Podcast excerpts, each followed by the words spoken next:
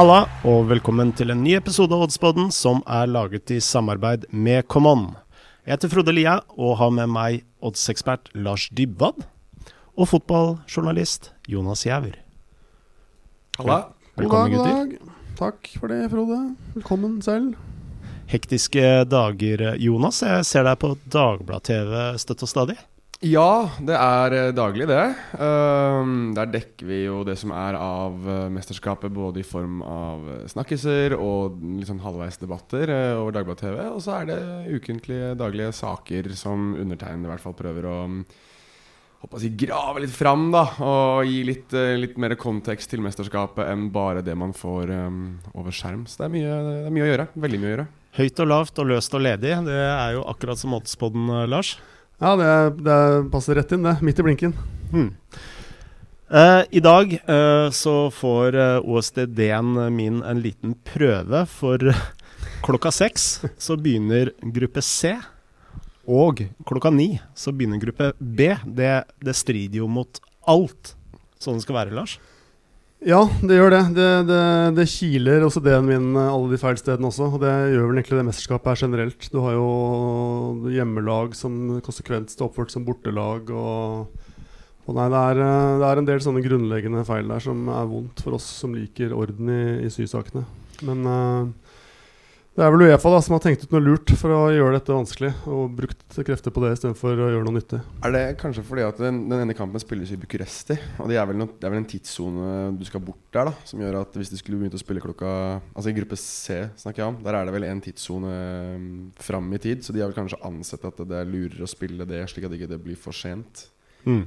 Det er vel um, Jeg regner med at det er det som ligger til, til grunne der, da. Men uh, jeg er helt enig med, med Frode om at uh, jeg også liker litt sånn å ha orden i at du Det er B, og så er det C, og så, men her er det C og så B. Så det, det er litt sånn som at jeg liker ikke ABBA-formasjonen eller ABBA-greiene i straffesparkkonkurranse. Det er 1-2, 1-2, 1-2, ikke 1-2-2-1. Nei, det går ikke. Det var en veldig irriterende og god forklaring, da, Jonas. Det, det, det er honnør, altså. Du skjønner hvorfor du får lov å være høyt og lavt i disse mesterskapsdager. Takk, takk. takk, takk. Eh, altså Når vi snakker om eh, gruppe C og gruppe B, så, og nå, nå som vi er inne i tredje og siste runde av kvalifiseringen, så mm, så er det jo en del ting å ta høyde for. Og jeg tenkte vi skulle begynne med de beste treerne. Og i og med at vi fortsatt ikke er gjennom hele runde tre, så er det kanskje litt litt farfetch å, å snakke om, men likevel så kan jeg jo nevne at uh, det er jo seks Nei, det er fire treere som skal videre. Og av de fire eh, beste treerne frem til nå er da Sveits, Portugal, Østerrike og Finland. Og de to dårligste treerne, det er da Spania og Kroatia. Mm. Det er ganske sykt. Ja, det er det. Det er, Og det ligger jo i kortene at eh, her blir det antageligvis en del endringer Her blir det nok en del i endringer, siste runde. ja. Og det kan vel også Det er- fryktelig vanskelig å spekulere om disse treerne, da. Men det kan vel også se ut som at uh, tre poeng, da, som Portugal tok seg videre med i, uh, i forrige EM, og til slutt vant hele Sulla midten kan hende at det kan bli tøft å komme seg videre med det denne gangen. Altså, kanskje det er ett lag med tre poeng som kommer seg videre. Men ellers så ser det ut som fire er, eh, bør være target for, eh, for de fleste her. Jeg er enig. Så, men så har du lag som vi skal snakke om i dag, da. Eh, Danmark, f.eks. De, er jo- de kan jo bare få tre poeng. Så de er jo avhengig av å holde dette håpet i live. Da, og det er jo et håp de, de har, da. Ja. eh, skal vi begynne med gruppe B, eller skal vi begynne med kampene som starter klokka seks? Kan ikke vi gjøre det litt riktig, ja? Starte med gruppe B, vi? Jeg syns det er eh, det mest sømmelige. Gruppe B spiller da klokka ni i kveld. Det er da Finland-Belgia og Russland-Danmark. Og eh, la oss starte med. Og eh, Finland eh, er jo et av disse lagene som nå går for å eh, få en eh, tredjeplass. Ja, det er helt riktig. Eh, den gruppa her er jo litt sånn Noen grupper så kan man jo si sånn helt konkret hva som kommer til å skje hvis eh, det blir uavgjort eller seier det og det laget osv. Her er det litt tricky i og med at uh, Belgia har seks poeng, Russland og Finland har tre, Danmark har null. Uh, alle lagene kan fortsatt gå videre i denne gruppa, men du kan fort få, hvis uh, da Belgia slår Finland, som man jo vel forventer, og hvis Danmark slår Russland, som man vel håper, kanskje, hvis man skal være så bold og si det, så får du fort eh, tre lag med tre poeng, og da begynner det å bli en sånn komplisert innbyrdeshistorikk. og du må ta med målforskjeller, den kan vi ikke spå her og nå. Så um, Allerede glemt spørsmålet, men her kan alle lag gå videre, i hvert fall. Mm. La oss Jeg ja. kan bare få tatt én ting. Som jeg sitter og ser på her nå Det interessante her er jo uh, den kampen mellom Belgia og Finland syns jeg er langt mer interessant enn det kanskje mange vil tenke. For altså Belgia er videre som gruppevinner på ett poeng. Finland er etter all sannsynlighet videre på ett poeng, de også. i hvert fall De kommer til å være blant de beste treerne. Og hvis det skulle gå f.eks. at Danmark slår Russland, så vil Finland automatisk være videre som nummer to i den gruppa. Det betyr at både Belgia og Finland er nesten best tjent på å spille uavgjort, samtidig som belgierne i den kampen her kan hvile veldig mange av de beste spillerne sine og fortsatt egentlig ikke miste noe særlig. De kommer til all sannsynlighet til å bli gruppevinner her uansett, mens finnene ser nok, et, ser nok sitt snitt til å da gå for i hvert fall en uavgjort, og kanskje ikke være like hyperoffensive som det de var Uh, spesielt mot Russland tidvis, men kanskje enda mer mot Danmark, eh, åpenbart grunnet uh, Nå snakker jeg da om andreomgangen til Finland, som var veldig, veldig spesiell. Men Sett i lys av Christian Eriksens situasjonen. Men det er en kamp som veldig mange tenker at denne her skal Belgia egentlig bare skuffe unna Finland. Og jeg er på, på en måte ganske enig, men de er begge to tjent med et uavgjort her. Um, og, og da, det vil gange begge to. Så um, jeg syns den kampen er noe man må følge litt sånn ekstra med på. Um, sånn med tanke på en U. Og Hvis du skal bli ekstra konspiratorisk her, da, så er det jo sånn at hvis Finland skulle slå eh, Belgia, så går jo faktisk Finland og blir eh, gruppevinner eh, hvis ikke Russland og Danmark. Uh, og uh, i denne gruppen er det nok en fordel å bli nummer to. For da møter du Wales uh, i, eh, i eh, round of 16. Ja. Og så møter du da antagelig Nederland eh, i Baku i kvartfinalen. Som jo er en eh, lettere vei den øvre delen av eh, opplegget her, hvor du først møter et tredjeplasslag som vinner, da, som jo alle gjør vel. Men så er det fort Italia som står på andre siden av banen i, i München. Og Uh, ja, det er mer en kuriositet, da. Belgia kommer jo opplagt ikke til å tape den med vilje. Men eh, det, er en del, som Jonas er inne på, en del sånne surre piperier i denne Ja. gruppen. Men vi så jo at eh, Italia roterte veldig mye. Ehm, tror vi Belgia også vil eh, rotere i like stor grad? Og da er spørsmålet er B-laget til Belgia like sterkt som B-laget til Italia? Er det Belgia du skal fram til, da? Takk. Trommevirvel for den. Eh, det var veldig bra. Jeg liker sånne. Uh, Martinez uh, har vel sagt at han skal rotere en del spillere. Uh, og hva det innebærer i praksis, det vet vi jo ikke. Men jeg kan jo tenke meg at en spiller som Lukaku får hvile. At han kanskje ikke risikerer Hazard og De Bruyne, som, som jo er på vei tilbake fra henholdsvis korttids- og langtidsproblemer. Uh, Witzel er vel kanskje kommet langt nok til å spille, er usikkert. Eh, Hazard, eh, altså Torgan-varianten, eh, får vel antagelig stå over pga. han har vel eh, et gult eller to. Da kommer vel broren din? Ja, det kan tenkes. Ja, nei, jeg vet ikke. Det er, det er, altså, jeg tenker- på at Jeremy Doku er nok en spiller man kommer til å se i det oppgjøret her. Uh, så nå er vel, så er det vel Jeg vet om om det er Er det Batshuayi som fremdeles er spiss nummer to for eh, Belgia? Ja, de, sp- det tenkes vel. Det er vel. Jeg ser i hvert fall en del som skriver at de regner med at Batshuayi fort kan komme inn, eh, komme inn for Lukaku. Da. Eh, men det, det gjenstår å se.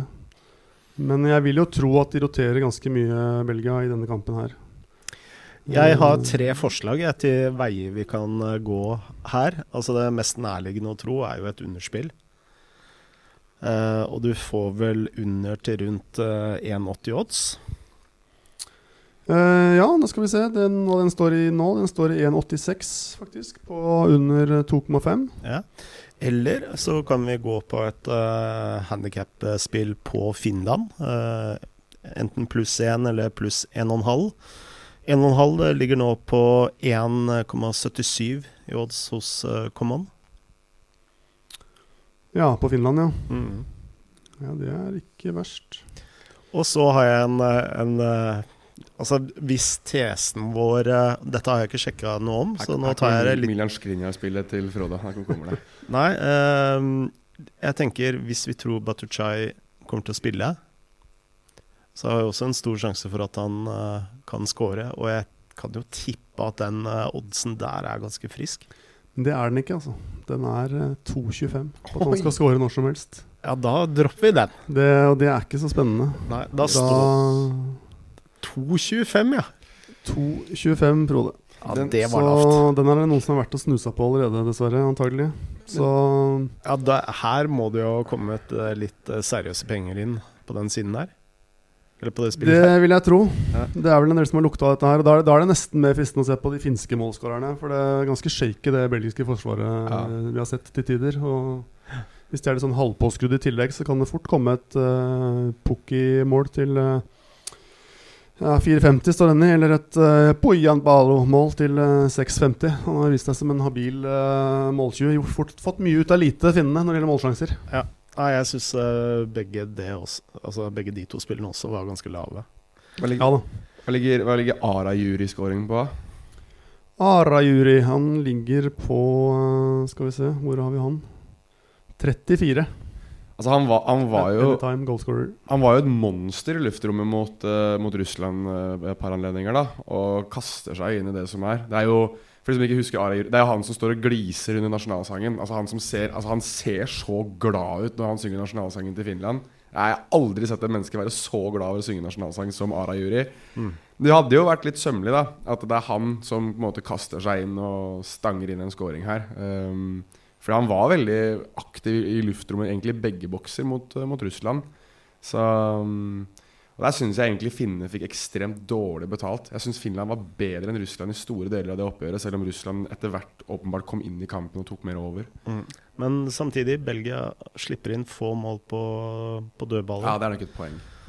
Uh, Courtois er jo en veldig aktiv keeper og sikker keeper i, i feltet. Ja. Så Jeg tror også Finland har hatt én corner på to kamper hittil, så da må det eventuelt komme fra kantene der. Men, uh, Ja.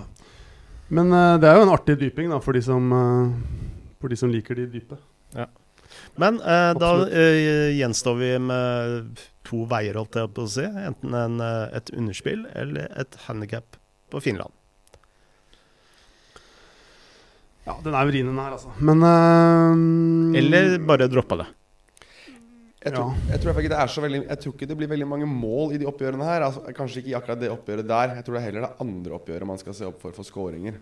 Så jeg syns det underspillet hørtes litt Av de to så syns jeg det hørtes best ut. Jeg vet ikke hva Nuestro experto kan man si. Nei, jeg, som odds-spiller da, så vil jeg jo si at stort sett så er jeg utrolig forsiktig med sånne kamper som det er, hvor, det, hvor du ene laget kan komme med litt ullen motivasjon og hviling av masse spillere. og Markedet har jo vært inne og forsynt seg på disse målskårerspillene som eventuelt man kunne snappet opp hvis det var noen øh, ja, sånn som Batshuayi ja. Batshuayi som spiller. Ja, det var sjokkerende lavt. Ja, ikke sant. Der har jo folk vært all over the place, tydeligvis, eh, for lengst. Uh, det er vanskelig. Skal vi la den surre litt i bakhodet? Vi, Vi, vi lar den surre litt, og så går vi videre til Russland uh, Russland eh, Denmark. O points. Denmark. Denmark, all points. Jeg må jo si at jeg var jo veldig imponert over eh, Danmark mot Belgia. Jeg syns de spilte med mye energi. Eh, skapte masse målsjanser. Mm. Absolutt. Det, er, det må jo være lov å synes ganske mye synd på Danmark. Eh, altså Selvfølgelig Christian Eriksen. Også de har skapt Er det noe lag som har skapt mer sjanser enn Danmark på to kamper? Det er over 40 avslutninger. Ja. Og de har scora Og det å demme opp mot eh, Kevin De Bruyne og Lukaku når de er i den formen, det er jo Ja, for de har også tillatt veldig få sjanser imot. Bare, men de som har vært imot, har uh, hatt en forferdelig høy prosent på å gå inn. mm. Og mot Finland, så da var jo alle ute av seg, det var en tabbe. Mot De Bruyne så er det uh, Uh, geni uh, i spill, rett og slett. Hva skal du si om det, liksom? Det er, det er jo for Belgia sin del, da, det å kunne bytte inn Kevin De Bruyne i de altså, Det er jo som juksekoder på PlayStation-spill, liksom. Det ikke, skal ikke være lov, egentlig. Um, Men jeg er helt enig. Altså, Danmark, hvis de ryker ut her, så er det Altså Det skal godt gjøres å argumentere for at det har vært et lag som har vært bedre enn Danmark, som har fått så lite betalt for hvor gode de har vært da i det mesterskapet her. Danmark har vært enormt gode. Altså, de, de kjørte over Finland i den første omgangen inntil Eriksen-situasjonen. Og så var de preget i den andre omgangen, forståelig nok. Og så kjørte de over Belgia i i hvert fall 30 minutter i den andre kampen. Og burde egentlig kanskje hatt to, kanskje til og med tre skåringer eh, før Belgia egentlig våkna. Og så våkna Belgia, og så er Belgia Belgia. Mm. Og, og, og vinner den kampen for så vidt greit, selv om danskene er veldig nære på slutten der òg. Um, Jeg må jo si at jeg syns Russland virker veldig tunge. Ja, og de har jo skapt uh, utrolig lite da i løpet av de første to kampene. Ja. Det må jeg si, Og de slapp jo også billig unna Billig unna mot eh, Finland, det er jeg helt enig i. Uh, den Miranchuk, Golovin, Juba-trioen uh, ser ut som de begynner uh, Eller er det fall noe tegn her til at de begynner å finne litt fasongen, syns jeg. Ja. Så hvis de får lov å være dette mesterskapet litt, så kan det kanskje komme noe derfra. Men de, de er, eh, det, det skapes eh, lite, altså. Men eh, jeg vil se Juba. og se litt skjør ut bakover òg. Ja, men jeg vil se Juba mer. Altså, nå, fikk vi, nå fikk vi den derre Den derre Kall det knokkelkampen hans da, mot Finland. Han hadde vel noe, noen tall der som indikerte at han var um, helt rå i duellspillet og i luftrommet. Og det, det er litt sånn som man kjenner Juba, og som jeg egentlig tenkte i forkant. Finland-Russland. Det er det er jo en throwback, da. Det er jo et vinterkrigsoppgjør mellom de to. Og det kommer jo til å bli mye tøff eh, kjemping. Skåringen til Miranchuk er jo, burde jo genierklæres på en måte. Uh, Mm. Og er jo egentlig den eneste virkelig briljante øyeblikket i, i det oppgjøret her som i hvert fall blir tellende. Ettersom Poyampalo hadde en skåring annullert. Um, men um, jeg er veldig enig med Frode. Sånn i, i Totalt sett så syns jeg russerne har sett bleke ut. Altså kjedelige, tunge, trause, lite forflytning. Håpe på individuell briljans. Jeg tror at eh, danskene, som har veldig dårlig målforskjell òg, altså de har minus to i målforskjell, de må også se sitt snitt og skåre mål her. For det kan bli utrolig viktig utover. Og de kan fort være i direkte konkurranse med Russland om den tredjeplassen. Mm. Så jo, jo flere mål de skårer mot Russland, jo altså, Det er nesten så at ett mål teller to her, da. Mm. Så um, Skal jo ikke undervurdere um, skaden til uh, Mario Fernandes også Nei, det er et veldig godt poeng. Nei, Den er veldig viktig. det er et veldig godt poeng. Og også selv om alle sier han er tvilsom, men med en ryggskade Det er jo ikke sånn du kommer Nei, vi kan vel være tøffe nok til å fastslå at det er, han spiller vel ikke. Nei. Eh, Nå har de en brukbar erstatter da, i uh, Karavanchev, hva det heter. Ja. Men uh, Karavajev. Men uh, Som nesten scora, faktisk, mot Finland. Men uh, det er, de er jo svekket der. De, men det Russland har, at de har én dag mer hvile enn Danmark. Uh, som jo kan være en fordel. Det var jo, må ha vært en eh, Det må ha gått en del energi i den kampen Danmark spilte mot Belgia. Mm. Og de har jo allerede hatt nok energitapninger. Samtidig så har de eh, fanatisk parken, og de har jo egentlig hele ja, Skal man være litt grandios og si at det er hele verden med seg. Det er i hvert fall hele Europa med seg. Det er jo ingen som heier på Russland i den kampen, her, bortsett fra de som bor i Russland. Ganske mange. Eh, Det er mange, ja. det er sant. Men uh, ja, Noen ganger så får du lag som kan flyte på en sånn bølge av at uh, det er så mye positivitet rundt. Og det, og det tror jeg vil gjøre at Danmark går ut i denne kampen her kanskje med minst like mye energi som de gjør mot Belgia. da Men så vil de møte et Russland som er mye mer forberedt antagelig enn det som Belgia var. da Ja, men, men samtidig altså, du, har, du har et veldig godt poeng her, Lars. I det at de Første kamp, Hvis vi skal prøve å sette de i noen vakuum her, da. Første kampen ødelegges av det som skjer på, med, med Eriksen. Ja. Og åpenbart det er det ingen som kan forberede seg på. Kamp nummer to er hauses opp som liksom kampen for Eriksen. Dette er liksom Belgia og, og dan dansker feirer overalt. Og liksom Dette er en seier for fotballen, seier for fellesskapet, seier for Eriksen. Uansett hvordan resultatet her går, så har vi stått sammen i dette. Og de har en enorm energiutblåsning på 1-0 etter to minutter med Josef Paulsen. Som det var jo strengt tatt hele verden skjøt den ballen i mål samtidig. Mm. Men nå har de hatt muligheten til å kanskje, til å kanskje isolere seg litt grann fra alt det. Altså Nå har de fått noen dager. Eriksen er skrevet ut fra sykehuset. Det er liksom det har, Livet har gått litt videre, da. Um, og jeg tror Og slik jeg har forstått danskene og forstått også Kasper Hjulmann, så er de gode på det å, å, å omstille seg situasjonene som, som treffer dem. Så jeg tror at dette her er den kampen danskene kommer til å være best forberedt på. Mm. Um, og så tror jeg egentlig også at de danskene føler ikke så veldig mye press lenger. Fordi at eh, Altså, det var et enormt press på det i parken at de skulle spille alle kampene sine der. Og så har de egentlig fått en del av den sympatien som vi er inne på her nå. Som tror at jeg, jeg tror de kan gå til den kampen der mot Russland og tenke at eh, Litt sånn F it. Uansett hva som skjer her, så, så har vi, har vi, vi har grunnlag for å ikke, for å ikke være suksessfulle. Samtidig, alt vi får her nå, er en enorm vinning for oss. Og det tror jeg det tror jeg kommer til å resultere i at de vinner med veldig mange mål her. Tror vi at de kommer til å storme ut av startblokkene, som de gjorde mot uh, Belgia, eller? Jeg ser ikke noen grunn til at de ikke skal gjøre det. Nei. De går all in, de nå.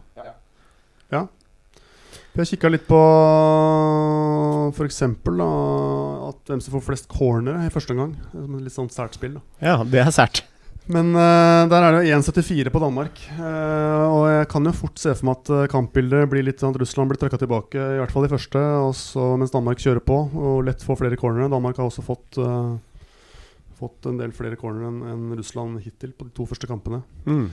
Så hvis man skal, nå, Det var jo å begynne i en eh, litt sær ende, kanskje, men jeg syns det er litt sånn artig spill. Ellers så får du 1,76 på dansk seier nå. Da. Den har gått opp faktisk en del. Den var eh, et par knepp lavere enn eh, i helgen. Uh, jeg hadde tenkt å kanskje foreslå Danmark som første målscorer. Ja. 1,57 får du på den. det er jo litt samme skole og tenkning som det jeg har med mitt cornerspill. Da. Nei, Det er, det er for lavt. Ja, det er tynt. Ja. Det er jeg enig i. Men uh, Du har 2,40 da på Danmark at de vinner første gangen Som jo kan være et alternativ. mm. Eller et eh, dansk spill med handikap. Ja, uh, Eh, 0-1, tenkte jeg. Altså Ja. At de vinner med to mål. Minst. Spørsmålet er hva Russland gjør på 0-1. da, Om de Ja, forsvarer seg eller ikke. For de er jo da foran Det er så komplisert det der med Hvis, hvis Danmark vinner 1-0 over Russland, så er vel alle lagene helt likt innbyrdes. eh, det som Ja. Ja, og da, målforskjell vil jo telle Og her. da begynner det å bli målforskjell. Det som Russland står jo nå med minus to i målforskjell. Ligger på andreplass. Danmark står med minus to Ja. og ligger sist. Altså en dansk seier her vil uansett sette de foran Russland. Uansett på målforskjell. Eh, den som er den store Uh, Kall det the unknown her, er Finland. Det er jo Mm. derfor jeg syns det er så spennende med det at det, uavgjort der setter de bare sidestiller de. de da er de ferdige, på en måte. Det er det som gjør at uh, den kampen mellom Danmark og Russland blir så enormt viktig i form av hvor mange mål som skåres. Fordi hvis da Belgia slår Finland, så holder det ikke for Danmark å bare ha en 1-0-seier. Da må de ha to for å, gå, for å ha bedre målforskjell enn finnene og russerne. Som betyr at Danmark kan gå videre som nummer to. Men det forbeholder at de får hjelp av Belgia. mm. Men jeg har en feeling på at finnene er ganske innesluttet med dette her, de òg. Og kommer til å gjøre sitt for at uh, de spiller uavgjort. Jeg sier ikke at de kommer til å legge seg bakpå, men jeg sier at de, de spiller nok mer for uavgjort enn det man skulle tro, da. De legger, legger seg selvsagt bakpå. Ja, men jeg, tror, ja, men jeg tror ikke de legger Jeg tror ikke de kommer til å spille José Mourinho-fotball fra 2010, liksom. Jeg tror de kommer til å Men jeg tror de kommer til å være De tar ikke så mange sjanser som det de f.eks. gjorde mot Russland, da. Mm. De trenger ikke å dytte opp både Poyampalo og Pukki og i hvert eneste angrep. Jeg tror ikke de kommer til å kjøre bekkene sine opp hver gang, f.eks. Jeg tror de kommer til å være mer individualistiske og kanskje heller fokusere på dødballer, da, hvis de skulle begynne å få et par av de. Så synes, jeg, derfor syns jeg, selv om gruppa på en måte er litt døll, så er den samtidig hyperinteressant. Fordi ett mål, uansett hvor vi er hen i de oppgjørene her, bare endrer totalt på hvordan ting ser ut. Ja, det, ja, dette er jo virkelig ikke dølt, etter min mening. Da. Dette blir jo helt superinteressant. Og det er et scenario her hvis, hvis Danmark vinner 1-0 over Russland, og Finland taper 1-2 mot Belgia. Da er eh, Danmark og Finland klink likt i så stor grad at det må avgjøres på hvem som har færrest gule og røde kort. Det er Tenk fantastisk! deg å gå videre på det. Ja. Mm. Den der ene taklingen du tok eh, på slutten av matchen, den sender deg ut av hjem. Det er um, Var ikke det Japan og Senegal som hadde noe sånt noe i 2018? Eller noe sånt Men jeg husker Det, jeg men, det var et seint gult kort som sendte Senegal ut av mesterskapet. Eller noe sånt da- da nærmer vi oss sånn Norway Cup-regler. Altså. Første corner vinner og sånn. Men vi må lande noe. Eh, jeg syns jo eh, av det som er på bordet nå, eh, kortspillet til, til Lars er kanskje det som gir best pris. Og er corner, cornerspillet. cornerspillet, eh, som er Ja, jeg foreslår vi tar det. Ja, da er jeg jo enig i det, i og med at jeg foreslo det. på en måte Ja, Så bra. Og det var 1,76. Det var 1,76. Stemmer det. Bra. Da har vi et spill i uh, gruppe B, og det er uh, Danmark flest cornere til 1,76 I første omgang. i første omgang i odds hos Command. Bra. Da må vi videre til uh, gruppe C, Jonas. Og uh, la oss begynne med Nord-Makedonia mot Nederland, som da spilles på Johan Cruyff Arena. Eh, hjemmebane. Nederland vil vel mest sannsynlig rotere litt her. Nord-Makedonia er helt ute, uansett utfall. Og eh, altså, nå er ikke jeg noe ekspert på Balkan-mentalitet, men eh, noe sier meg at eh, når eh, Nord-Makedonia nå er ute, så er de også ute. De har tatt ferie. Det er min påstand. Ja. Eh, arrester meg om jeg Jeg er, jeg er enig med deg eh, på, på ett sett, men på et annet sett så er det også en, en herremann som har kommet med en ganske viktig melding som kom i går. Og det er eh, Goran Pandev, som har sagt at han legger opp på, på det nordmakedonske landslaget etter denne kampen her. Det betyr at den største spilleren i nasjonens historie spiller sin siste kamp. Det gjør nok at man har litt ekstra motivasjon til å gi han en ordentlig send-off. Ehm, jeg vil ikke si at det betyr at Nord-Makedonia skal bli helt Stenek Zeman i siste oppgjøret her og bare sende alle mann i front.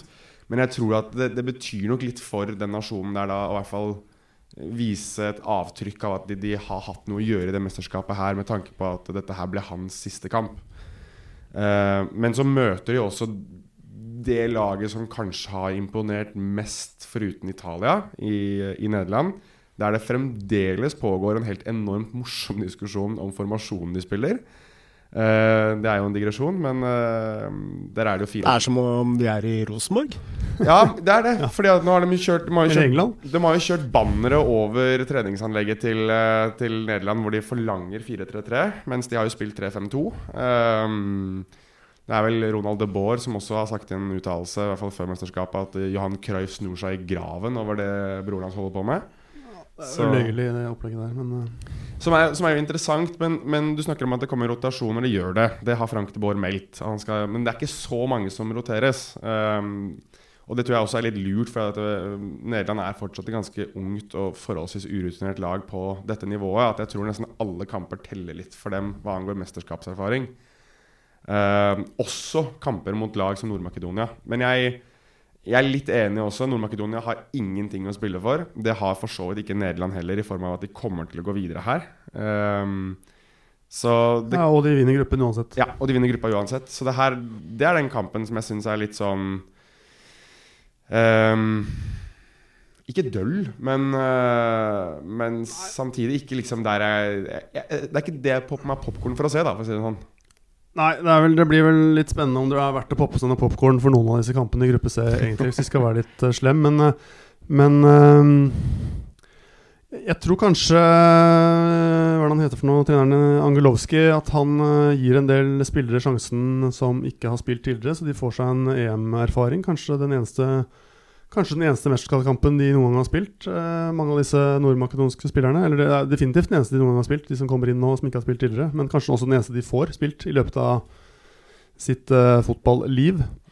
Så hvis, han, hvis også han roterer en del, så kan det jo tenkes at det er ganske motiverte karer som går utpå her. Og de har jo De kommer jo hit med vi tror ganske små forventninger, og de har jo ikke gjort seg bort. De har jo skåra mål i begge kampene, og de har spilt ganske likt, i hvert fall med Ukraina.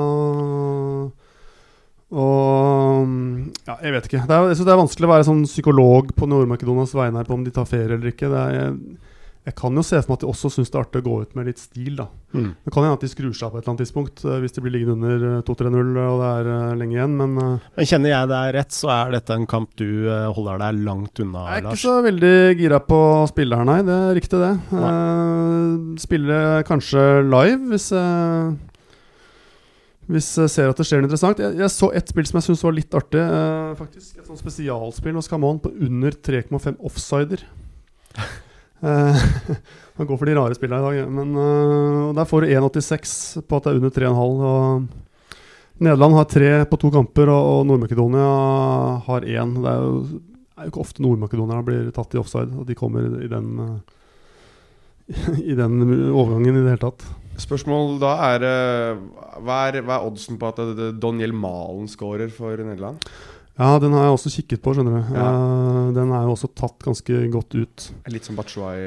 Uh, ja, det er ikke helt der enda, men 2,70 er den. Ja. Og så er det 2,30 på Luke de Jong. Det er vel også spekulert at han kommer inn. ja.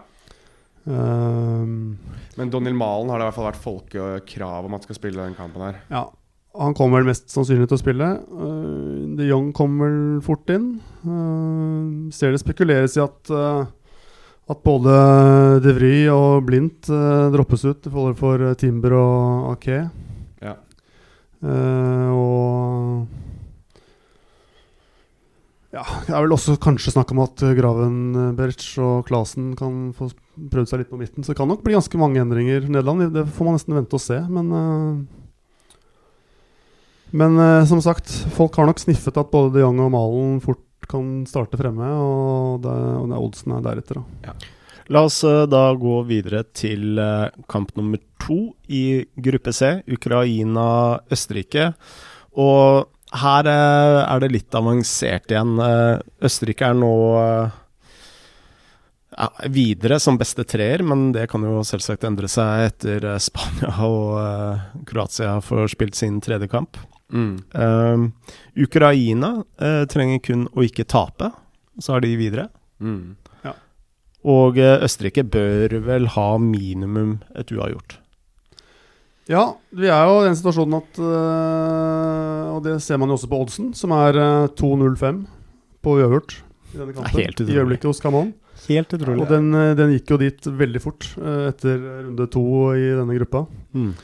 For det ble ganske fort klart at uavgjort her, øh, så er øh, mest sannsynlig begge lag videre. Da er Ukraina helt sikkert øh, videre, og Og Østerrike mest sannsynlig videre med fire poeng, da. Mm. Så her kommer to lag inn med en eh, veldig defensiv eh, tilnærming, eh, vil vi tro. Ja, det er jo Altså, noe annet vil nesten være dumt. Uh, men eh, Jeg elsker Det- er den konspiratoriske linja her nå. Dette er fantastisk. Ja, men det er jo også litt sånn at sånne kamper som, som, hvor det lønner seg for begge at det ender U. De, de går jo ofte U, altså. Ja, det gjør det. Men, likevel, 2-0-5 ser jeg ikke som noe Og det er jo litt sånn eh. Mesterskap og landslagsfotball er jo mer et uh, sjakkspill enn uh, klubbfotball, hvor du eh, tenker med på, på motivasjon og, og sånne ting. Ja, altså det, det interessante her da er jo litt Altså Elefanten i rommet her er jo strengt tatt at begge vil vel mest sannsynlig gå videre på, på 0-0, 1-1, 2-2, 3-3. Altså uavgjort sender begge lag her videre etter all sannsynlighet. Selv om du åpenbart er Du har helt rett i det du nevner her, Frode, med både Kroatia og Spania som ligger liksom Og mest sannsynlig har De har nok et godt gammeldags magetrekk igjen, begge to, i form av det at de nok kommer til å eh, spille noe bedre i siste oppgjør. Jeg tror f.eks. Spania slår Slovakia i siste oppgjør, men da er de Da endrer jo det seg med at de kanskje blir toer istedenfor uh, treer òg. Da er det for Polen man skal følge mer med på. Uh, og de kommer til å ha en vanskelig kamp igjen mot Sverige, som jeg tror kommer til å gjøre det bra. Um, fire poeng tror jeg vil sende de fleste lag her videre. Og det gjør nok det at uh, motivasjonen, som Lars var inne på bl.a., ligger nok deretter. Um, for Ukraina sin del så, så tror jeg de fikk veldig mange positive svar i den kampen mot Nord-Makedonia, selv om det åpenbart ikke er liksom Jeg skjønner at det kanskje ikke er den kampen du skal hente alle svarene dine fra, men de hentet nok nok svar der til å vite litt hvor de i hvert fall ligger i terrenget.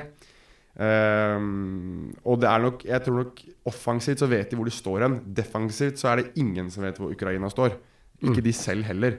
Som betyr at hvis de klarer å spille en forsvarskamp mot Østerrike, så har de også vist for seg selv at de, at de kan manøvrere begge scenarioer. da. Mm. Så for Ukraina sin mesterskapsfølelse så er de nok tjent på det å faktisk spille en døll, kjedelig 0-0-kamp her.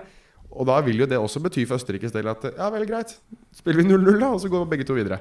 Så jeg Hva tenker vi 0-0 ja. til pause? Ja, det skal vi se.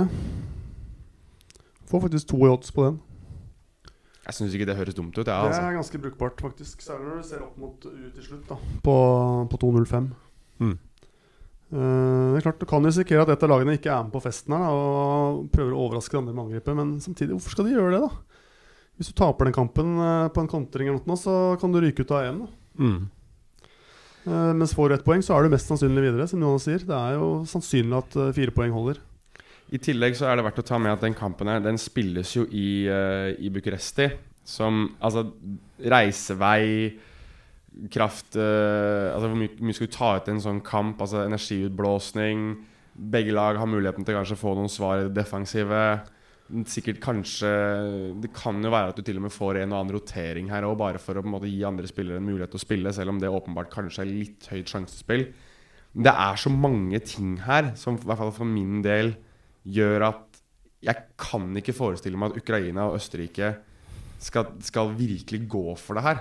Mm. Um, Nei, og Bucuresti betyr jo også Det betyr jo en, på en nøytral bane, da så det er ingen som trenger å hisse opp noe hjemmepublikum her. Nei. Det er på en måte ikke så big deal. De kan, Nei, Jeg prøver å tenke på noen andre innganger her som uh, Men eh, Nei, altså Østerrike spilte jo så dårlig mot Nederland at de, de kan jo ikke være stinne av selvtillit og skal ut og angripe her noe voldsomt. Nå får de Arnautovic tilbake, da.